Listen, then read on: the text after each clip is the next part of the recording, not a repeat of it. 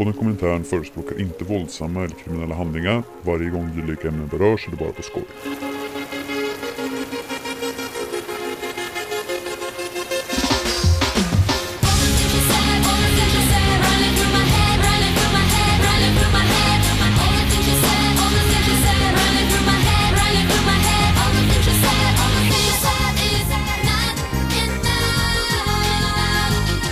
Hallå allihopa! Tack så mycket för att ni är här och firar vår födelsedag. Det, nu blir, det kommer bli eh, revolutionär pratradio nu med kommentaren. Om man vill lyssna på det i vanliga fall så kan man eh, lyssna på det på Soundcloud, eller hur? Mm. Är det någon annanstans man kan lyssna på er? Man kan väl bara kopiera den där RSS-länken och stoppa in i sin andra podd. Det är så det går till. Eh, och eh, vi vill inte att någon tar några bilder. Vill, och ni måste dokumentera det här så gör ni i ljudform, men det behövs inte liksom. Vi har lite svårt att behålla jobb som det är redan. Okej, men eh, ge dem en fet applåd!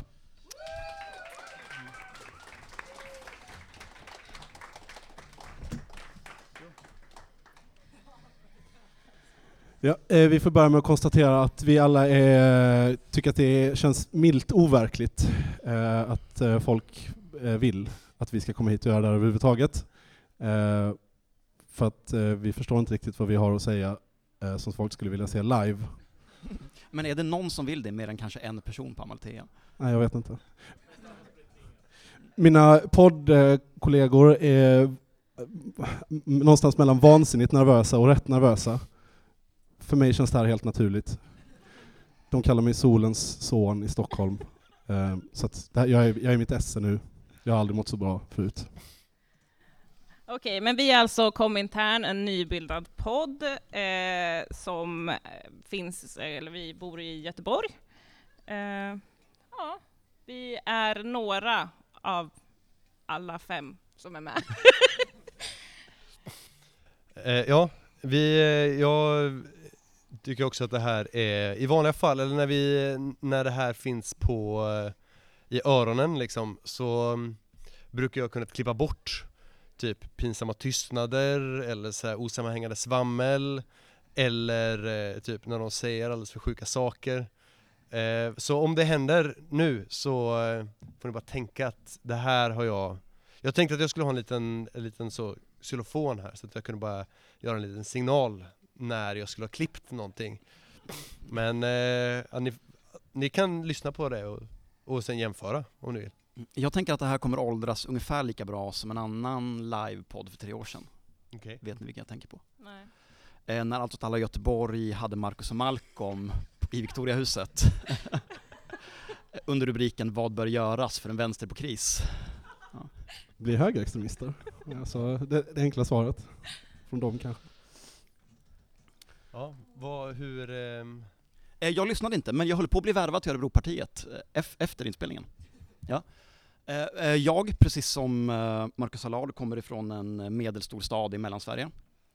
Efter inspelningen så samlade Marcus andra personer, kamrater, i ett mötesrum på Victoriahuset. Och så berättar han för oss att vänstern är i kris, men Marcus har hamrat ut linjen. Eh, linjen var att alla som har flyttat ifrån mellanstora städer i Mellansverige eh, ska flytta hem igen och bilda lokala missnöjespartier. Eh, ett Eskilstunapartiet, ett Örebropartiet naturligtvis, ett Köpingspartiet, ett Västeråspartiet och så vidare. Alla går till kommunala val och 2014 så går alla på gemensam riksdagslista med Marcus Allard som första namn. Jag avböjde. ja. Men det har ju inte hänt. Varför har det inte blivit så? Varför har det inte blivit fler Örebropartier? Det är helt sjukt. Nu, nu får man linjen förklarad för sig och helt korrekt utlagd och allting och så bara händer det inte. det är väl vem som lägger ut linjen. Kanske. Eller jag tänker ändå, i egenskap av så poddens anarkist så tänker jag att man måste ändå ha den den liksom lilla biten av eh, så autonomi kvar. Att man får bestämma vem som är, eh, vem som lägger ut linjen. Ja, men det hade nog inte Marcus hållit med om. Eller han tycker nog. Nej. Ja, eh, vi har eh, försökt eh, balansera den här linjen mellan eh, spontant gött kött, eh, och eh, lite uppstrukturerat manus. Det är första gången vi gör det här live också, så det kan mycket väl bli ett jävla fiasko. Men, och vi är också osäkra naturligtvis på hur lång tid saker och ting tar. Och så här. Men ni får vara med på det här äventyret med oss. Eller mot oss. Att det är femte gången vi gör det totalt, tänker jag sjunger högre än att det är första gången vi gör det live. Jag är som sagt född till det här, så den oron har inte jag. Men, Ja. mm.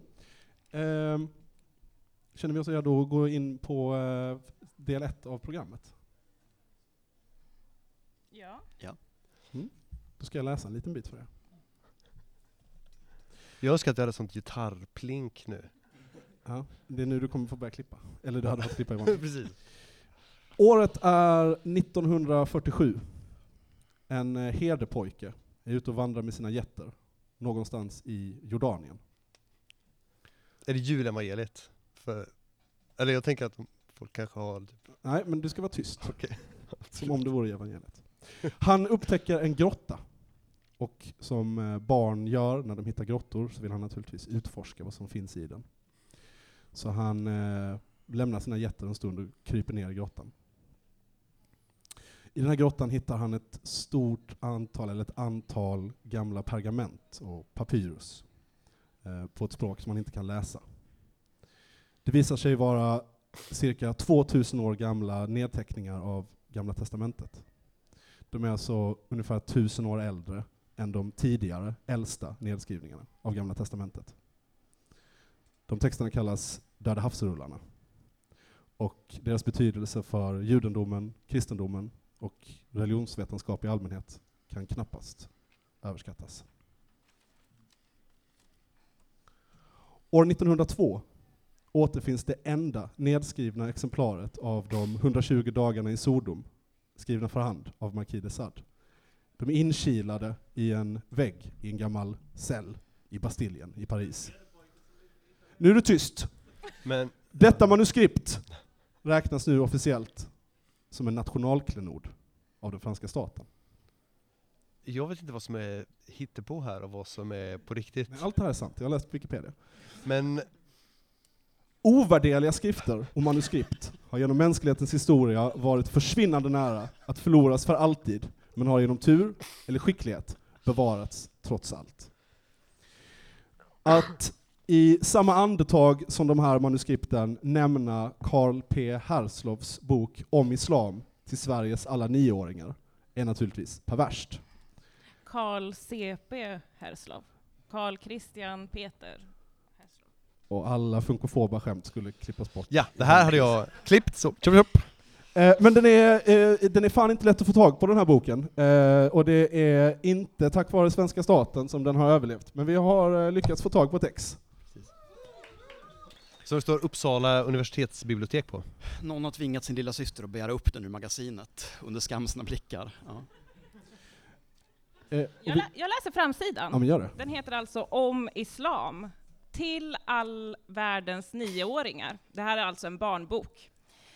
Koranens innehåll finns inte. Det påstås ha kommit från en verklig ängel, men sådana finns inte. Alla nioåringar vet att det inte finns några verkliga tomtar. Vad vet nioåringarna om ängeln Gabriel? Ja. Eh, vi, eh, vi ska diskutera och dissekera delar av den här boken tillsammans. Och så ska vi se om vi blir lite smartare på kuppen. Tänker du ge författaren någon introduktion? Eh, ja, han är ju eh, han är grundare av, eller hur? Jag ljuger inte nu. Nej. eh, tillika partiordförande för Skånepartiet. Så att vi, vi, eh, vi publikfriar här, naturligtvis. Men Ja. är, jag måste också bara fråga, är, är Marquis de Sades 120 dagar i Sodom, är den skriven 1902? Nej, nej, nej. Den hittade, de, när de stormar Bastiljen eh, och så sitter han i finkan för att han är en, en reaktionär, eller han är, ju- tillhör eh, adeln. Eh, så han, men han har skrivit den i cellen, så han kilar in den och gömmer den mellan två eh, stenar på något sätt. Och sen så när han, han kommer undan därifrån, han blir inte mördad, tyvärr kanske, eh, men, eh, och, men tror själv att manuskriptet har blivit förstört. Så sen 1902 då när de vårstädar Bastiljen, eller vad de nu gör, så bara åh oh, wow, kolla den här texten. Lite på samma sätt som du gömmer din brevväxling med Ted Kaczynski varje gång vi kommer på besök. Vem är Ted Kaczynski? Ted Kaczynski är ju, eh, ehm, jag har på vägen ner hit lyssnat på, äntligen efter att ha varit en så ganska ja, men haft ändå varma känslor för, för Ted Kaczynski under, men från mina 20 år och upp och ner liksom framåt. Eh, han är mer känd under sitt eh, superhjältenamn, så Unabombaren.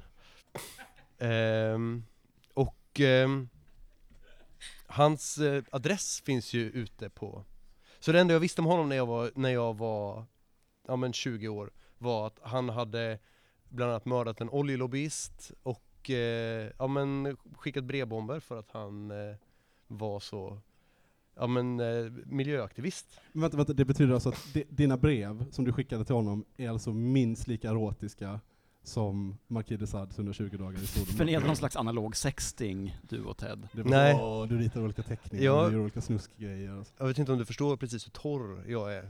Det var... Jag sprutar inte parfym på brev eller så, utan det är sen när man öppnar så Du bara, glider om damm, mot ditt kön så- innan du skickar iväg dem. så bara dammar det lite till. Det bara så här, puff, får man en lite så dammdusch istället. Hur som helst, när den här, eh, när den här eh, serien kom, ehm, alltså Manhunt Unabomber på HBO för något år sedan så tänkte jag bara fan vad gött nu, nu nej, kommer de här. nej, nej, nej, du blev lite irriterad över att det inte var smalt med Ted Kaczynski.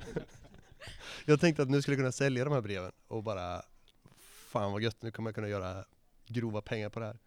Och sen kom jag på att han har ju, han, dels så finns hans adress på internet, så jag tänker att han Dels så får han säkert ganska mycket brev, vilket är lite orättvist för att han i någon mån liksom flyttar ut i en stuga i skogen för att komma bort från sådana som mig.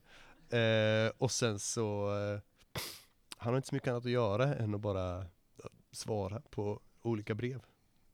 Tänker att han, men eh, han, vid ett tillfälle så hade han, han svarade på brev som han inte hade kvar. Han är väldigt artig får man säga, han är en bra brevkompis liksom, han gillar han, han tar det på allvar. Vem av er slutade svara? Jag tror det var jag som slutade svara faktiskt. Du har ghostat Ted Kaczynski. Det är, det är mitt claim to fame.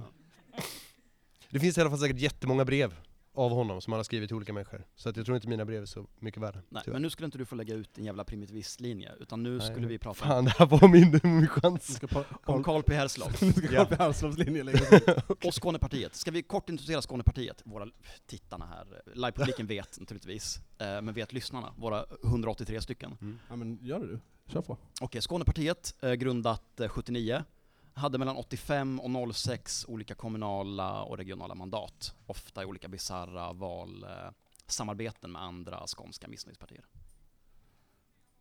Fortfarande aktivt. Fick eh, 117 röster i EU-valet.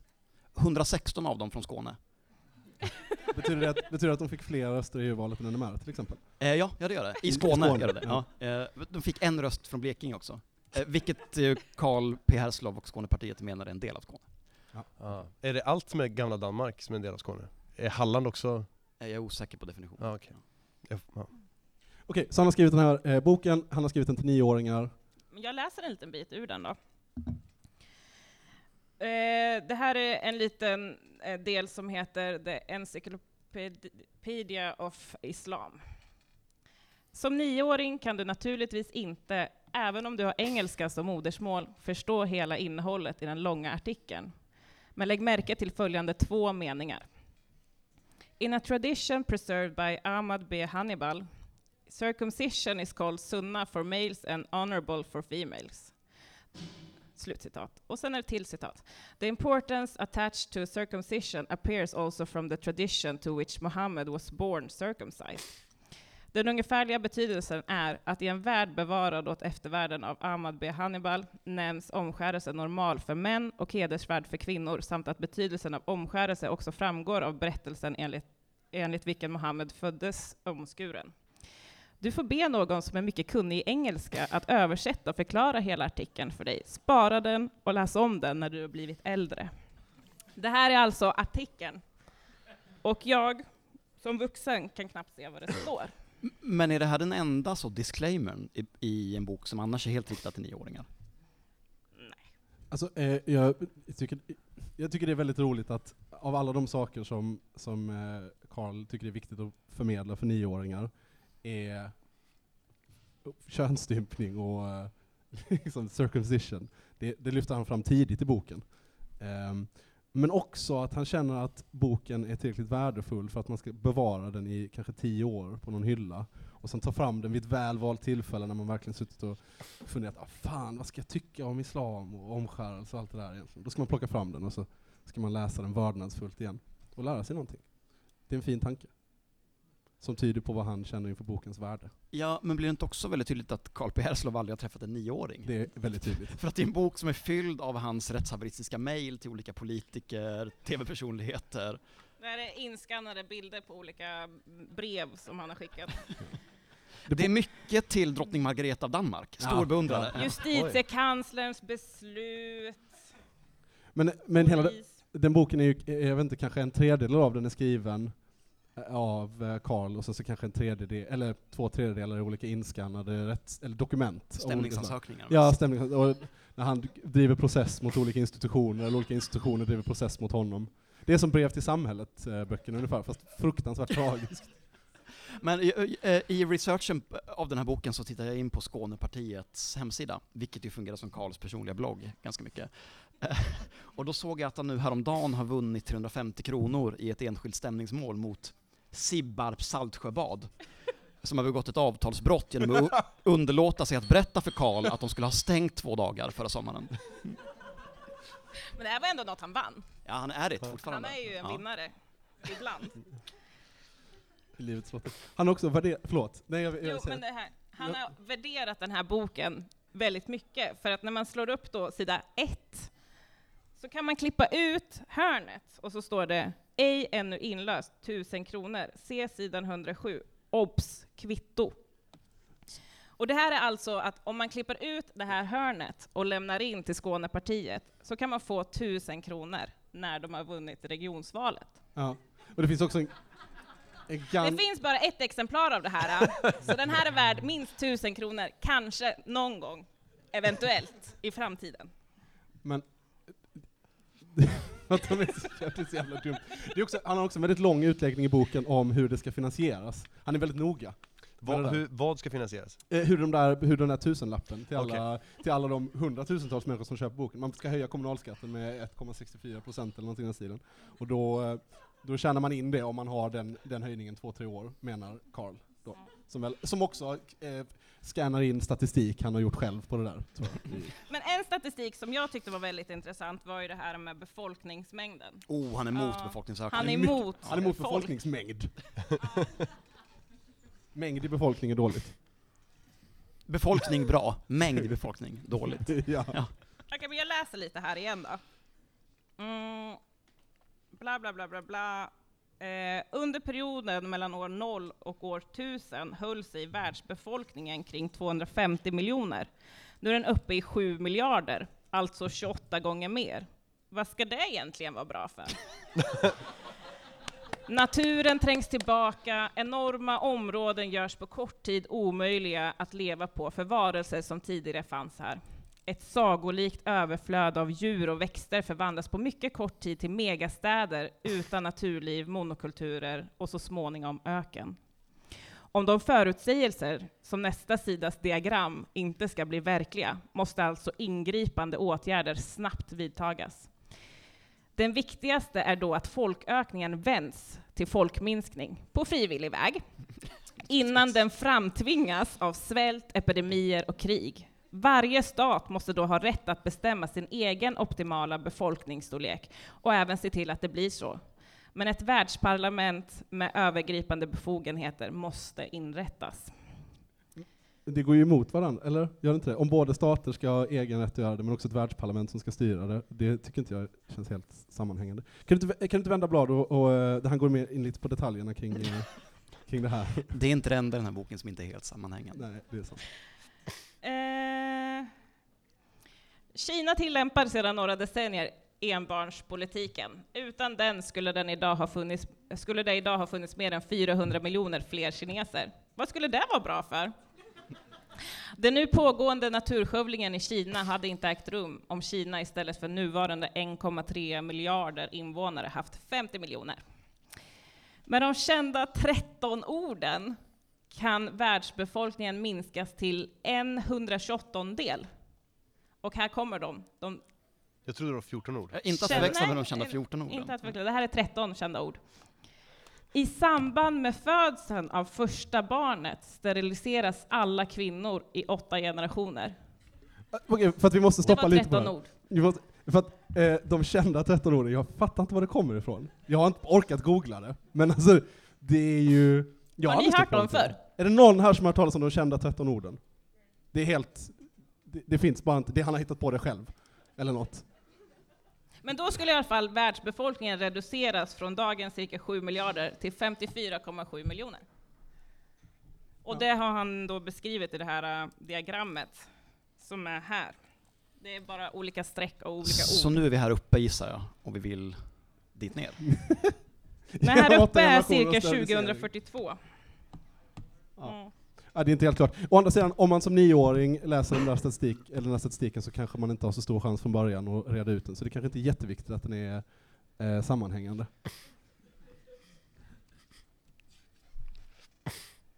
Det är nu det är pinsam tystnad. Precis. Okej, men eh, mycket av den här boken är ju inte skriven för nioåringar. Men lite då och då så kommer han på, just det, jag skriver en bok för nioåringar. Eh, så på sidan 171 när han kommer på det igen, så står det så här. För dig som nioåring är det nu, berätt, det är det nu berättade av intresse i tre hänseenden. Inte en fantastisk författare. Nej, jag förstår inte alltid vad han menar. 1. Allt förtal måste bemötas genast och kraftfullt. Okej, vänta, stopp. Det i egenskap av någon som jobbar med nioåringar kan jag säga är ett jävligt bra råd. Alltså, det, när man står framför en grupp nioåringar och så säger man så här, man, eh, vad ska jag säga till de här barnen nu för att de ska må bra och klara sig i skolan och eh, att de ska tycka att det är fint och, och ha förtroende för vuxna och sånt där. Vad säger du jag alltid- brukar säga är ju oj oj oj, idag har magistern druckit ond vuxensaft. Ja, Och är väldigt trött, men jag fortsätt. det säger jag ibland. Men när jag är, är på banan så säger jag, allt förtal måste bemötas, alltid. Kraftfullt.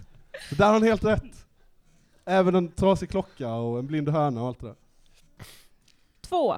För att väcka intresse måste avislamiseringen i varje område kombineras med lokalt material, även om det in, ibland kan anses ovidkommande. Här tycker jag vi får stanna upp också. För, för vad det rådet egentligen handlar om är ju att han uppmanar nioåringar till att skapa eget anti-islamiseringsmaterial. Och det är väldigt sött att tänka sig att i en vanligt klassrum så delar man ut papper och penna och säger så här, rita, nå- rita er, er familj, eller skriv om ditt favoritdjur, eller... Rita Berätta- informationsmaterial till avislamiseringen av Skåne. det, är en stark SO-uppgift Men vänta, kan du, kan du läsa igen? Staffanstorp har de börjat göra det nu.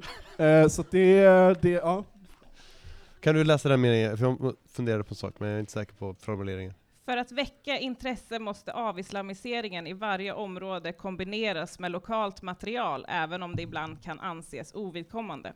Ja, Okej, ja, då var det inget. Det var glasklart jag. Nej men just, just det som jag tänkte på var inte...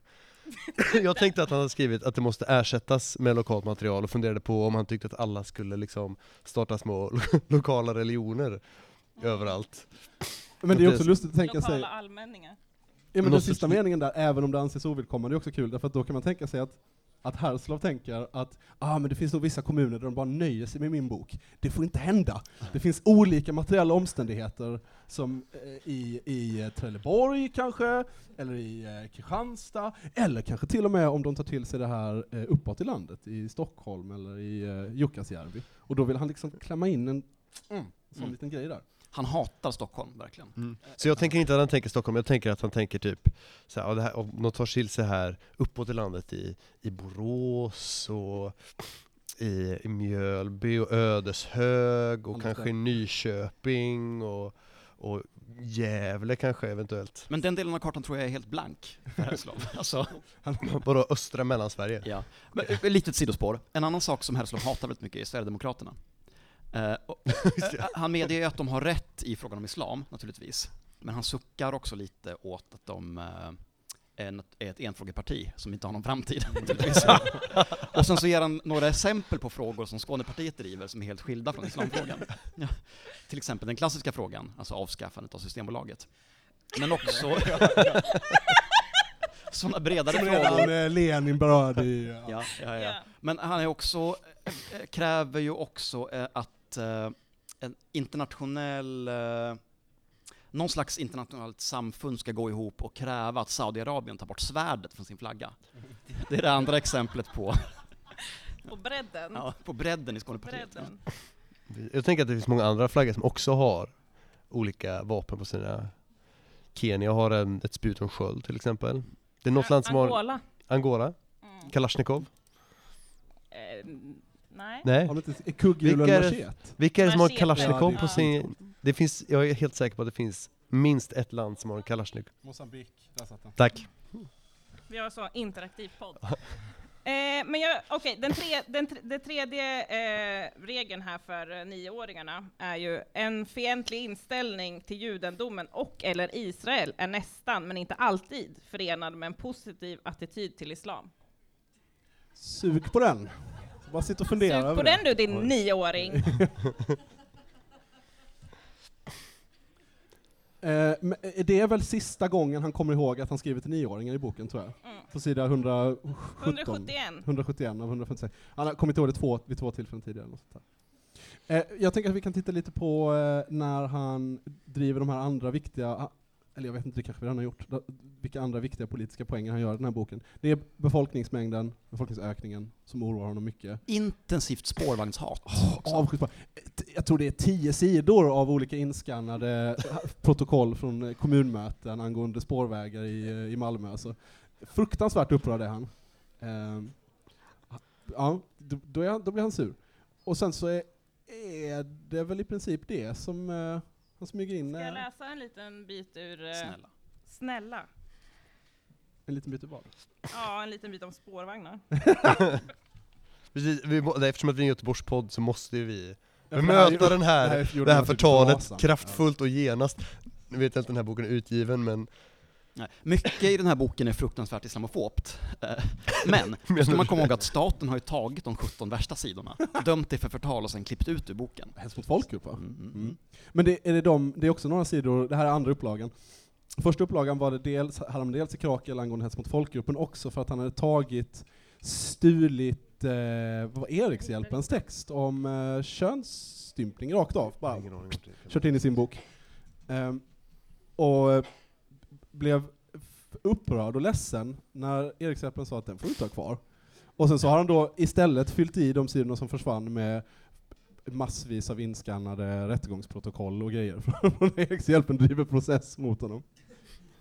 Jag tror väl att han fortfarande eh, motiverar en hel del eh, framtida utgifter, till exempel att han trycker upp valsedlar. Eh, eh, det, det, men, det säger han så att det, det har vi ju inte råd med egentligen. Men han är fortfarande kvar i den här långa rättsprocessen kring hur många procent Skånepartiet egentligen har rätt till av eh, det valstöd som eh, valalliansen Skånes väl fick på 80-talet.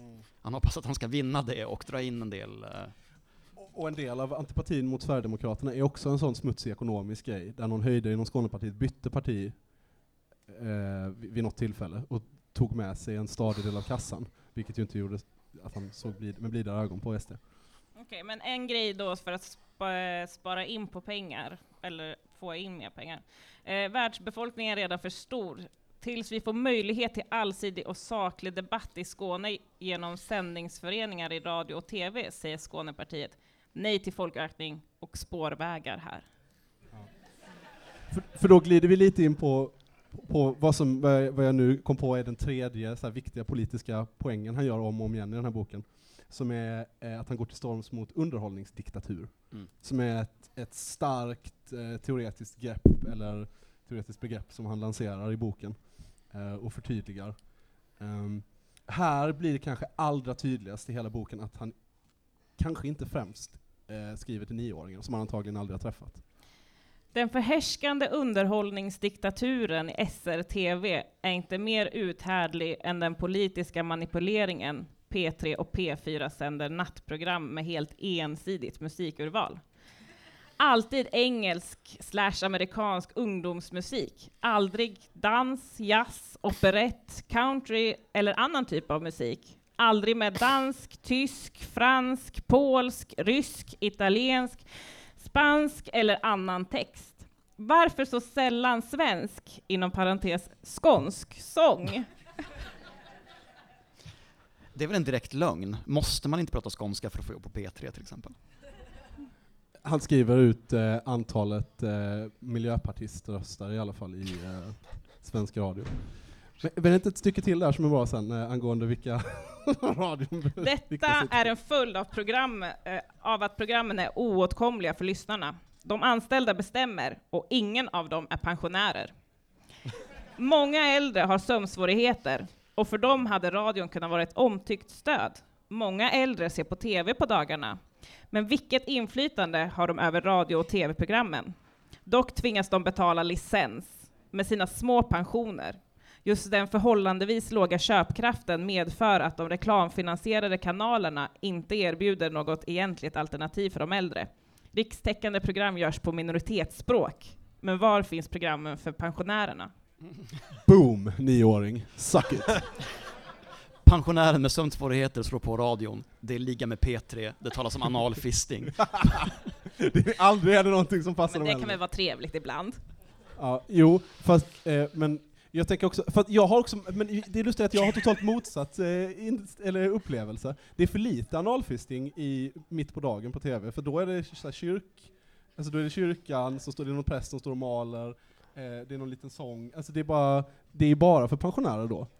Eh, om jag som eh, ungdom vill kolla på TV, så vill jag väl se anal, eller jag vet inte, någonting som är lite mer spännande. Ja. Eh, Carl P. Herslov har gjort sitt för motbygga det centraliserade TV-radiomonopolet. Han har sänt radio i Skåne varje dag i 35 år. Ja. Han har precis lagt ner, men de sista fem åren så släppte han bara fram lyssnare om de kunde bevisa att de hade köpt hans Mohammed-tavlor för 1000 kronor styck. Oj. De var inte så många. Nej, då tror man ju på sitt eget, eh, sin egen förmåga att underhålla, underhålla folk. Ehm, En eh, annan viktig del i den här boken är när Skåne, eller Carl P. Herslov eller Skånepartiet i allmänhet missförstår när de blir ägda i olika situationer och, och har med det som någon slags seger eller så. Så nu, eh, nu kommer det ett litet stycke om det. För Skånepartiets närradio gjorde jag den första intervjun med Palme i början av 80-talet under en konferens NATO arrangerade i Köpenhamn på Christiansborg som tjänstgör som Danmarks parlamentsbyggnad. Palme var redan då känd för sina kontroversiella uttalanden. Som svensk statsminister liknar han sin danske kollega under konflikten om Hesselö med den argentinska kuppgeneralen Leopoldo Galtieri. Svenska bankdirektörer jämförde han med hormonstinna babianhannar. Palme satt i ett ganska litet rum med ungefär 20 journalister från diverse länder. Jag presenterade mig som reporter från Skånepartiets närradio och frågade honom vad Sverige skulle göra om Skåne utropar sig självständigt och anslöt sig till NATO. Hans svar blev Skåne! Därefter vände han till någon annan för ny fråga. Alltså, vi sysslar ju ändå en del med sosse-bashing i podden. Helt befogat, och jag tycker det var rätt att Palme blev skjuten. Men fan, det var ändå en singer, alltså det får man ändå ge honom. Andra intervjun, det här Skåne var alltså en intervju han gjort, det var svaret. Andra intervjun ägde rum något år senare i Sommarlust, Kristianstad. Palme hade där talat inför socialdemokratiska pensionärer. När mötet var över och publiken bröt upp gav han mig några minuter utan åhörare. Samtalet var då alldagligt. Båda intervjuerna spelades upp i närradion, men de är försvunna sedan flyttningen av studion hösten 88. På tu man hand upplevde jag Palme som påtagligt vänlig och generös. Alltså en helt annan människa än han gjorde sig till i offentligheten. Ja, så konstigt då att det enda samtalet med Olof Palme har då försvunnit då under mystiska omständigheter i en flytt. Det är så jävla tragiskt. Men finns det inte något, apropå att Carl P. Herslov blir ägd, finns det inte något stycke där han och en dansk rasist får äpplen kastade på sig på Möllevångstorget? Jo, men det finns det ju. Kan vi bara stanna lite vid att, eh, är, det, är det inte så att, eh, okej nu går vi ut på djupt vatten här, nu lämnar vi manus. Håll i hatten här. Eh, men men eh, eh, att eh, Bernie Sanders har försökt lansera löntagarfonder i, som, en, eh, som ett politiskt eh, krav i, eh, eller politiskt krav, jag vet inte. Han har liksom sagt att Åh, det här kanske vi kan göra efter svensk modell. Har ni läst någonting om det? Nej. nej. Ja, skit vi det. Så. Åse Klausenbjerg har med danska partivänner också deltagit i flera manifestationer Skånepartiet hållit på Stortorget i Malmö. Vid den första den 29 april 2004 skämde vänsterextremisterna ut Malmö med sin brutalitet. De tog under några minuter över och träffade en av de danska gästerna, Birgit, med ett hårt äpple så att hon svimmade och föll. Inte ett av de vanliga mjuka skånska äpplena, utan ett, ett hårt upplandsäpple. På bilden har hon lyckats sätta sig upp. I bakgrunden sitter Ingolf på statysockeln. Han håller en dansk flagga på övre bilden där den skånska flaggan skymtar på hotell Kramers? Kramers? Kramers? Ja, jag har ingen aning. Eh, vänstra flaggstång. På mötet 16 september lyckades polisen bibehålla ordningen. Där syns Gertrud med skylten ”Utan yttrandefrihet, ingen demokrati”. Skånepartiet tackar alla sina danska vänner för mod och engagemang. Det är ändå ösigt att har skannat in en bild på stackars Birgit efter att ha fått ett hårt äpple i huvudet. Och så Ingolf som sitter bakom lite lojt med en flagga. Också viktigt för nioåringar och så. Samtidshistoria. Ja, det är, ja. Ja. Det är, podcast är inte ett visuellt medium. Ni får googla. Ni sitter långt bort? Ja. Ska, vi, kanske gå vidare till nästa del? Oh, till vårt interaktiva segment. Ja, Yes. det här är en överraskning från oss till er, men nu ska ni få vara med. Jag vill bara säga att vi sa att vi skulle hålla koll på tiden. Ja, det har vi inte Har vi koll på tiden? Jag vet inte när vi Hur länge har vi hållit på? Har, har vi hållit på en halvtimme? Ja, det är Jag har hållit på nu. ja, Ja. det känns som en mission. Vi ska... Håll ihop det lite Och längre ännu nu. längre ska det bli. Okej, så det här, det interaktiva segmentet heter Herzlov eller Hitler. Eh, Och det går till som följer. Jag kommer att läsa fyra citat, och publiken eh, ropar om ni tror att det är Karl P. Herzlov eller Adolf Hitler. Det finns också, det är modifierat, lite modifierat, alltså Hitlercitaten är inte på tyska, Just det. för det hade gjort, liv, gjort det mycket lättare. Just det. Eh, orden islam eller judendomen är utbytta mot religionen. också. Är ni beredda? Okej. Eh, partiet arbetar outtröttligt för frihet från socialism, fria områden och fria folk utan det förtryck och inflytande som religionen har på samhället. Herslov. Ni måste skrika lite.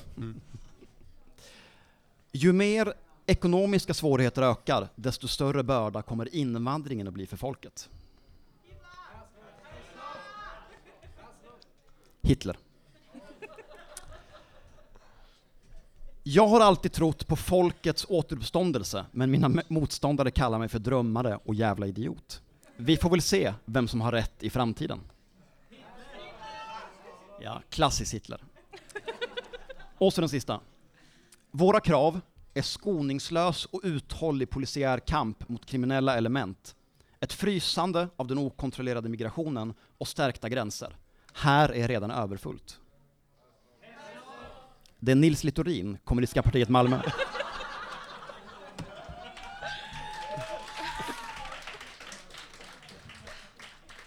Vi eh, tänkte att vi kanske skulle ha ett eh, lite gött eh, fritt riffande och kött om, eh, jag skrev ner val, hasch och partier.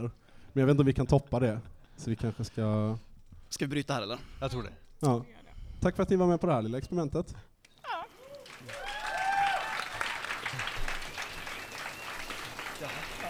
Ja, tack. tack.